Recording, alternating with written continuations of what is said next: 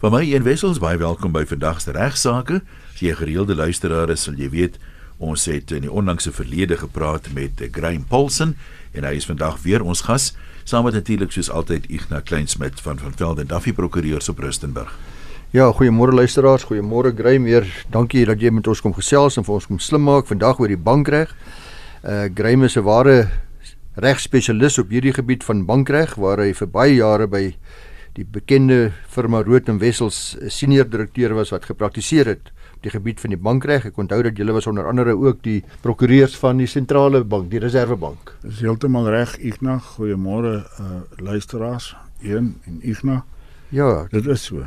Graham het dan ook 'n LLM en meestersgraad op die gebied van bank en beursreg wat uh, baie toepaslik gewees vandag en tans praktiseer Graham onder sy eie naam onder die naam Paulsen saam met sy seun hier in Woodmead in Johannesburg. Ek gaan afskop met 'n vraag wat op die oor af of op die oog af eenvoudig mag klink, maar nie regtig is nie en dit is 'n uh, wat is 'n bank en hoe word banke beheer of gereguleer in Suid-Afrika? Ignas, dis 'n interessante vraag. Daar's natuurlik die bankwet van 1990. Maar om te sê wat 'n bank is, 'n bank is 'n gewone maatskappy wat 'n lisensie gekry het by die registrateur van banke van toentertyd om as 'n bank te besigheid te doen. En om besigheid te doen as 'n bank beteken hy het die lisensie en die reg om deposito's te neem. 'n Deposito is enige bedrag geld wat 'n bank by die publiek neem en wat hy met die bedoeling het om hom terug te betaal met of sonder rente.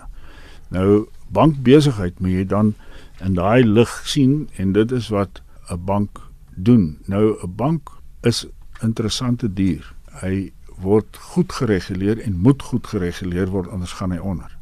Want hy is eintlik 'n gelisensieerde monopolie wat hoe meer hy besigheid doen, hoe groter sy verpligtinge raak. So hy's amper dit sou amp dis bietjie onverantwoordelik om dit te sê, maar hy's 'n soort van 'n insolvente monopolie. Ja. En hoe meer deposito's neem, hoe meer skuld hy. Maar nou waar maak hy uit geld uit? Hy het byvoorbeeld die repo koers as sy minimum 6.5%, sy sy uitleenkoers, sy uh sy voorkeur uitleenkoers aan sy deposante of aan sy sy kliënte is 10.5%. So die verskil tussen daai twee is waar sy wins lê. As jy 'n baie goeie kliënt is van 'n bank, sal 'n bank miskien vir jou minder geld uitleen, minder rente vra in 10% en nie 10.5 nie. As jy 'n swakkerige kliënt is, dan vra die bank vir jou 11 of 12%. So dis waar hy sy geld maak. Of dit die regte beleid is vir banke, is kan ek nie sê nie, maar dis wat hulle doen. Ja. So 'n bank is 'n ding wat baie kwesbaar is in die sin dat uh, mense het al gesê 'n bank is bankrot net omdat daar 'n tou staan voor die bank en hulle kan nie inkom nie, hulle kry nie hulle geld nie. So eh, ek kan my goed onthou Trust Bank vroeër jare het 'n probleem gehad. Daar was op 'n tyd 'n probleem uh jare terug met uh Netbank as ek reg onthou. Maar ons kan later praat oor waarom 'n bank ja, nie toegelaat ja, ja, ja, kan word om om onder te gaan nie. Maar dis wat 'n bank is. Hy doen bankbesigheid. Om bankbesigheid te doen is hy's gemagtig deur middel van 'n lisensie om deposito's van die publiek te neem en hy mag hy mag uh, advertensies uitplaas as 'n gereelde kenmerk van sy besigheid om om om daai deposito's te neem. So hy mag adverteer vir te, en dan het ons in terme van die wet geregistreer van banke en dan sentrale banke te toesigrol. Ja, nou die sentrale bank het 'n interessante geskiedenis in Suid-Afrika as hy gestig in 1920.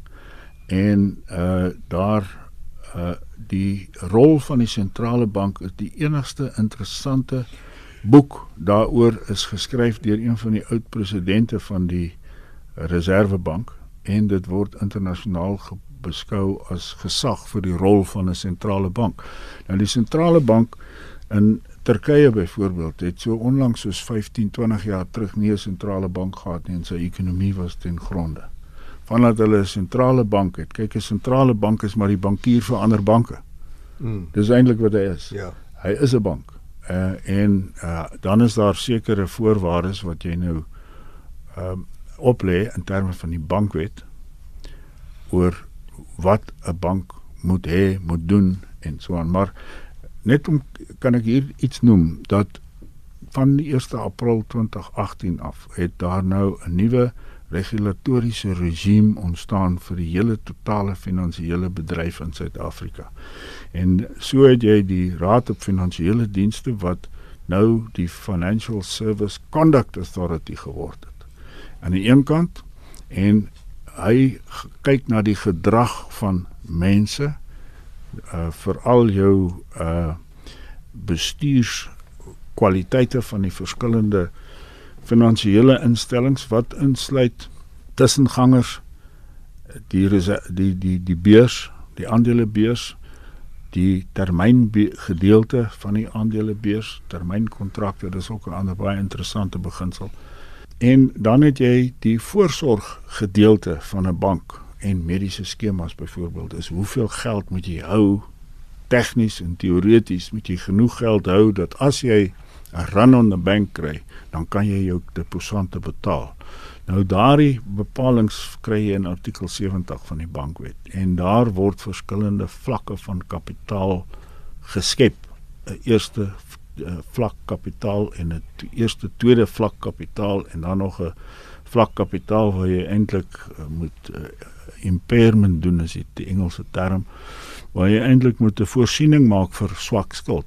Maar uh daar's ander vlakke, daar's ander forme van kapitaal ook en uh hoe beter 'n bank, hoe groter 'n bank, hoe meer maak hy voorsiening uit daardie wins wat ek van praat en daai geld hou hy dan en daarom het jy sterk banke. Nou Suid-Afrika se banke is oor die algemeen baie sterk omdat hulle goed gereguleer word. En die rede daarvoor is dat daar is 'n devisebeheer maatreël wat in die 1933 wet geskuif uh, oorgebly. Die hele 193 Currency and Exchanges Act was in 1933. Julle sal onthou daar was 'n groot depressie daai tyd. Ja. In 1933 uh, het artikel 1 artikel het die devisebeheer maatreëls behou. Daai divisiebeheermaatreëls is uitgebou en word deur die banke toegepas en waar dit nie deur die banke toegepas word nie maar dit buite hulle mandaat lê word dit deur die die die die surveillance department dit was die banktoesighouding departement van die die sentrale uh, bank gereël en gereguleer En daarom kan jy seker hoeveelheid geld, maar as jy meer as 10 miljoen in die land wil uitvat, dan moet jy eers toestemming kry deur jou bank, deur divisiebeheer, jy weet so aan. Want dit is belangrik om die land se reserves op te pas. Uh hoe meer geld in die buiteland, hoe groter is jou aanspreeklikheid. En uh daar was ook redelik onlangs uh, bepalinge gewees oor mense wat sommer met sakke geld op vliegtye geklim het hier in 1994 om dit weer terug te bring. En daar's hmm. 'n soort van 'n asiel gereël. Maar dit is in wese wat 'n bank is en 'n bank doen bankbesigheid. Kry weet al redelik uitvoerig vir ons uh, vertel van die regulatoriese raamwerk, maar ons pas ook in iewers by die internasionale raamwerk. Dis deel van uh die die die Switserse banke wat vir ons wêreldwyd reëls maak wat ons ook by by by inval wat ja. ons moet doen veral wat die onafhanklikheid ook betref van die, van van ons sentrale bank. Ja, wat baie interessant is is dat daar in Basel kom al die reguleerders van banke wêreldwyd bymekaar en dit is eintlik geïnisieer deur Suid-Afrika uh, jare terug. Inderdaad, toe ek dink Christo Wiese nog geregistreer was in Forum en nie van Greening en sulke mense. En hulle het eintlik besef dat jy moet jou bankstelsel robuust maak. Jy moet hom sterk maak en hoe doen jy dit? Jy moet sekere reëls en regulasies ontwikkel wat die risiko's waaraan 'n bank onderworpe is, moet jy bestuur. Met ander woorde, jou bestuursvernuf en jou uh instrumente wat jy gebruik om die bank te bestuur, moes ontwikkel word en dit moet wêreldwyd eintlik eenvormig ontwikkel. Nou daar het hulle in Basel bymekaar gekom en hulle het 'n uh, Basel 1 en 'n Basel 2 en nou 'n Basel 3 het hulle 'n klomp beginsels uiteengesit. Nou daai beginsels was 29 in sy getal waaraan Suid-Afrika dan 28 en 'n half van daai beginsels voldoen. En die rede hoekom ons net half uh, kry en nie 29 nie is omdat die staat stel die president van die Reservebank aan. En dit sê die wêreld daar buite doen afbreek aan jou onafhanklikheid. Maar vir al die ander is voldoen ons aan en is ons eintlik tegnies 'n onafhanklike reservebank. En uh, ek dink in die dae van Tito Mboweni byvoorbeeld toe hy die president was, kon jy die onafhanklikheid duidelik sien. Hy hy hy het dit uitgeleef en dit is tevens ek dink vandag ook.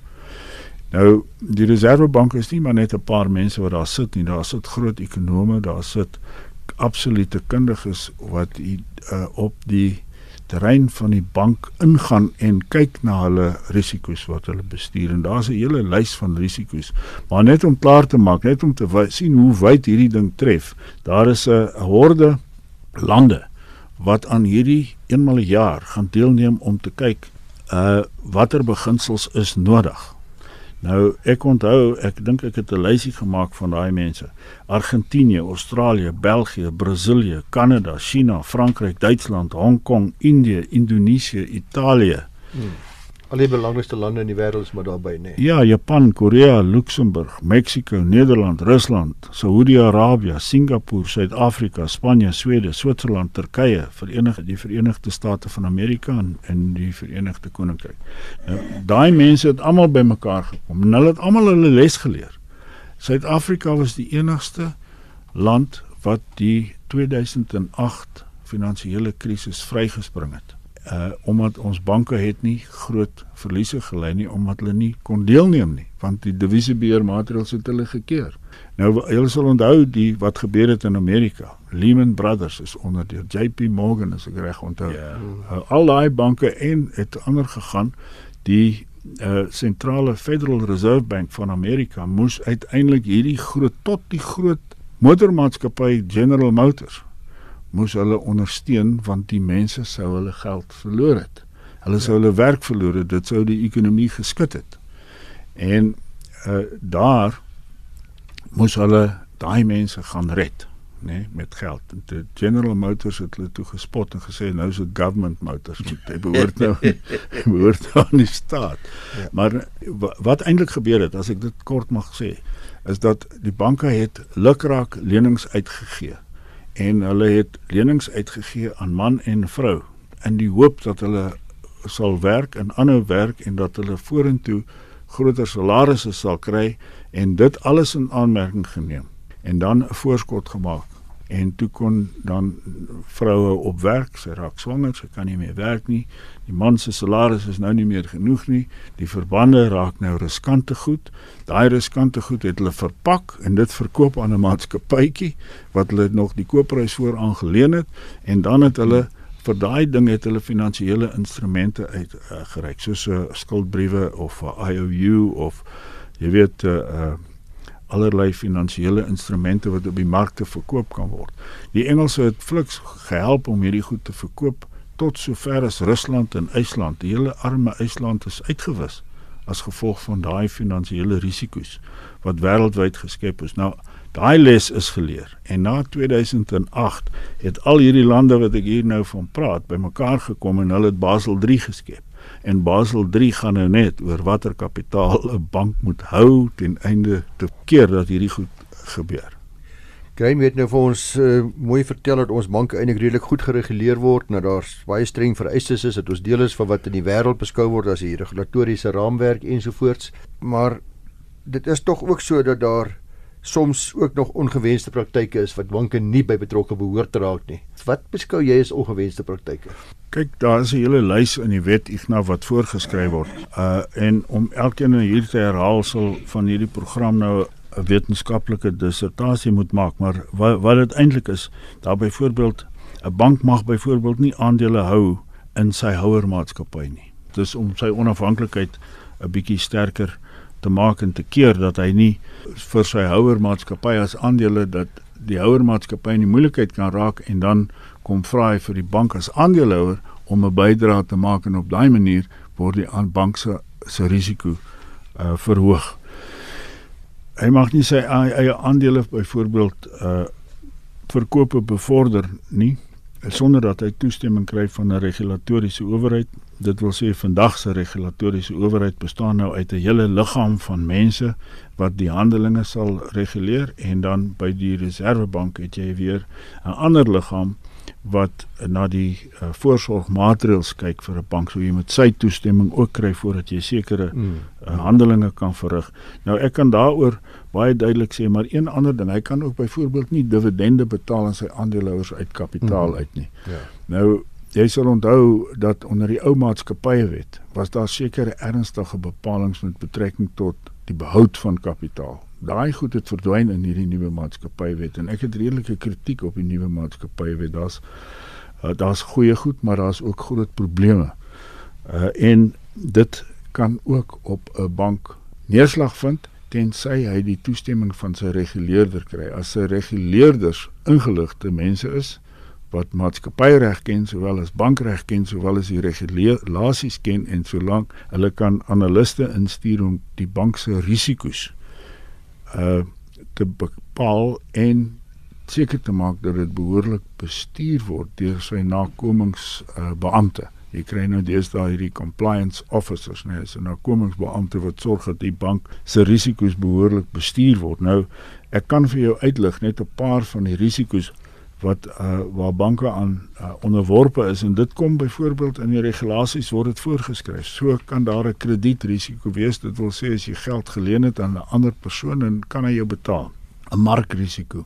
Dit hang af in watter deel van 'n mark hy nou betrokke raak. 'n Likwiditeitsrisiko byvoorbeeld, 'n rentekoersrisiko. Hy hang af of watter teen watter rentekoers so jy hmm. jou jou geld uitgeleen het. Operasionele risiko's uh wat baie keer gebeur is die mense sê ek wil nou betrokke raak by 'n sekere groep mense ek wil vir hulle geld uitleen. Dan kry jy uh deskundiges wat des bemarkers is en hulle gaan skryf 'n leningsboek. En hulle het nie die operasionele vermoë om daai geld in te vorder in die geval van debietorders was dit vir byvoorbeeld in die verlede En partykeer gaan daai mense hulle so ywerig met die bemarking dat hulle oorbemark dieselfde persone. En jy het 'n boeleningsboek wat lyk asof hy 100 is, maar hy is eintlik 60 ja, werd. Ja, ja. En dan het hy nie daai invorderingsvermoë nie. Dit was 'n uh, paar jaar gelede was daar van ons groot banke wat hierdie risiko's gehad het, maar 'n groot bank kan daai risiko hanteer want dit is 'n klein deeltjie van sy hy het sy kapitaal. Ja. Maar nou het jy 'n klein bank. Jy het nou nog gepraat van FBS en African Bank. Nou jy sal onthou dat African Bank die eerste keer insolvent gegaan en ek was saam met John Lowe een van die kuratore in African Bank en daar was niks nie. Die deposante en die die die geloofwaardigheid van die mense wat die bank wou ondersteun het om kom red met hulle pensioene. Toe het daai bank reggekom en die mense wat daar was was skelms. Jy weet selfs beste regulatoriese, die beste wette, die feit dat jy hom 'n nommer gee, die feit dat hy eksamen deurgekom het, maak nie van 'n skelm ou eerlike ou nie. Hmm. Nou jy kry direkteure en sulke mense wat weet hoe om te steel en hulle hou dit weg van hulle ouditeurs af. Ouditeur is die laaste ou wat weet hoe te steel alhoewel mense dink is die eerste ou wat moet weet. Want hy moet ingaan en hy moet diep grawe. Maar dit word baie goed weggesteek. Nou, ek dink dit was die geval by by by die eerste African Bank en ek dink dis nou die geval by hierdie FBS bank wat julle nou van weet en ja. daar is nie geld nie. En hulle die, vat nog die hele tyd deposito's maar daai geld verdwyn, dit word gesteel. Dis eenvoudig dit. Jy sien die vraag is ons hoor nou by jou dat die regulatoriese beheer is uitstekend. Ons vorm deur van die Basel 3 en ons is eintlik op die voorgrond van hoe goeie beheer moet wees, maar dis elke keer 'n ongelooflike skok vir die publiek as iets gebeur soos African Bank of soos FBS. Ja. Nou wonder mense daar dan ook iets skeef geloop met die monitering en die regulering. Wel, ek sou dink dat dit is iets om te ondersoek want die die uh spesialiste wat gestuur moet word om die on-site investigations te doen deur die sentrale bank. Deur die sentrale bank. So hulle stuur mense na die banke toe. Ja, hulle stuur mense na die banke toe, maar nou moet jy weet, 'n ou wat wil steel, steel ja, baie fyn. Dis nie altyd maklik nie. Nou ons het uh, ek ek kan eh, 'n uh, voorbeeld noem. Kom ons kom terug. Julle sal onthou so in 2002 was daar 'n probleem by Sambo. Sambo was 'n bouvereniging en 'n baie goeie bouvereniging met 'n wonderlike leningsboek wat perfek gewerk het selfs na kuratorskap het daai boek bly pre, uh, presteer. Maar die gebrek het gekom om 'n bouvereniging te vat en om 'n bank te maak en om toe te laat om sonder die voorgeskrewe kapitaal homself uit van 'n bouvereniging te verander na 'n bank toe was na my mening die probleem. Al die ander bouverenigings het hulle verkoop aan banke toe dit gebeur. Mm. Hulle gesê jy moet ophou bouverenigings wees, jy moet nou banke wees. 'n Bouvereniging het 'n baie spesiale eh, belastingdispensasie gehad en dit het vir hom moontlik gemaak om geld aan mense uit te leen om huise te bou. Dit was die bedoeling van 'n bouvereniging. En hulle het dit baie goed gedoen, maar toe hulle moes die ekstra risiko inneem en dit is waar ek gesê het dis 'n ge gelisensieerde monopolie wat insolvent is. Die oomblik wat jy meer deposito's vat, het jy ook meer skuld. So hier hier sit jy met 'n mooi bate, maar jy het 'n langtermyn inkomste en hier het jy korttermyn skuld inkomstes, deposito's en geld wat dadelik terugbetaal word. Dit kan 'n spaarrekening wees wat jy elke dag uittrek. Baie van daai mense het geleef op hulle inkomste wat inbetaal is in die bank deur die staat, aftrekorder, maar hy trek dit weer met 'n moet leef en dan hier by die 25ste van die maand dan is daar nie meer melk vir koffie nie en dan gaan dit stadiger en stadiger en dan wag hy weer en dan gaan hy geld weer in en so word die inkomste uitgewis. Nou daar is nie vir 'n bank 'n kans om kapitaal te skep nie want die mark wat hy het en dis die markrisiko waarvan ons praat as jy die verkeerde mark of net 'n klein mark geteken het en daai mark presteer nie dan het jy 'n probleem. African Bank het byvoorbeeld as is eintlik 'n gelduitlener gewees.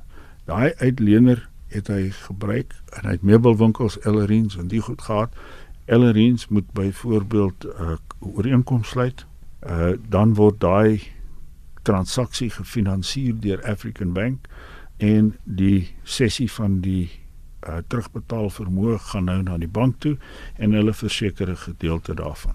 So wat jy eintlik het, is jy het hier 'n gelduitlener. Hoe meer hy uitleen, hoe beter lyk sy syfers. Ja hoe minder hy invorder en hoe swakker sy skuld op daai kant word, meer moet hy op sy versekeraar staat maak. Maar intussen tyd is die besigheid ongesond, die markrisiko is ongesond. So hy kom in die moeilikheid. En uh toe het natuurlik uh, baie van die banke het hulle geld belê by African Bank want hulle gee ons nou hierdie hoë risiko's en baie van hulle kliënte hoe die sentrale bank dit opgelos het hulle het vir die banke gesê maar julle kliënte moet net 10% van hulle lenings afskryf. Dis wat die haircut wat ek van praat. Ja ja. Nou dit is 'n onwettige ding na my mening. Jy kan nie gaan en vir 'n kliënt wat te goeder trou by 'n groot bank se geld sit en die bank vat daai geld en hy gaan belê dit op 'n ander plek. Skielik vir daai kliënt sê luister jy 10% van jou geld het verloor want jou bankier het dit op 'n ander plek gaan sit nie. En dit bring my terug by die bankier kliënt verhouding. Uh Graham ek weet nie of jy dalk vir die luisteraars vinnig net jou uh e-posadres dalk wil gee nie. Ook miskien vir navrae wat hulle mag hê uh, jy sien Johannesburg soos ek gesê het behoed my by pos en prokureurs. Uh navrae wat hulle mag hê oor die mynbou uh die minerale regte en oor die bankreg Uh dankie Ignas. My e-posadres is gpolson p o l s o n by upstart of @polsonlaw.co.za. Gee net weer asseblief Graham. Is gpolson p o l s o n by polsonlaw.co.za. Ek sê vir jou baie dankie Ignas ook vir jou. Kom ons sê miskien net vir luisteraars wat vir ons wil vra stuur vir regsaake weer hoe om te werk te gaan. Hou eerstens in gedagte dat uh, die doel van die program is om luisteraars oor die breë spektrum van die reg te bemagtig, nie vir uh, Igna om gratis betrokke te raak en namens jou op te tree in die hof, namens jou mense te dagvaar en so net, dit is net nie prakties moontlik nie. En uh, dan kan jy jou vrae sommer direk vir hom stuur Igna by vvd.co.za. Moet ek nie vergeet nie, baie mense kan nie altyd half 12 maande regstreeks luister na regsaake nie. Daarom neem ons die programme op en dit is as potgoeie op RSG se webwerf beskikbaar. Jy gaan so te werk, gaan na rsg.co.za toe, klik daar heel bo in die bladsy so aan die linkerkant op potgoeie, dan maak daar 'n nuwe bladsy oop en dan kan jy afrol tot by regsaake of jy kan regsaake as 'n soekwoord insit En as jy dan uh, dit klik, dan's al die programme daar, die jongste een heel bo al af onder toe met so 'n kort opsomming van elkeen en jy kan dan weer daarna luister of dit aflaai op jou rekenaar as jy sou wou. Vir my een wessels, ek wens jou 'n wonderlike week toe.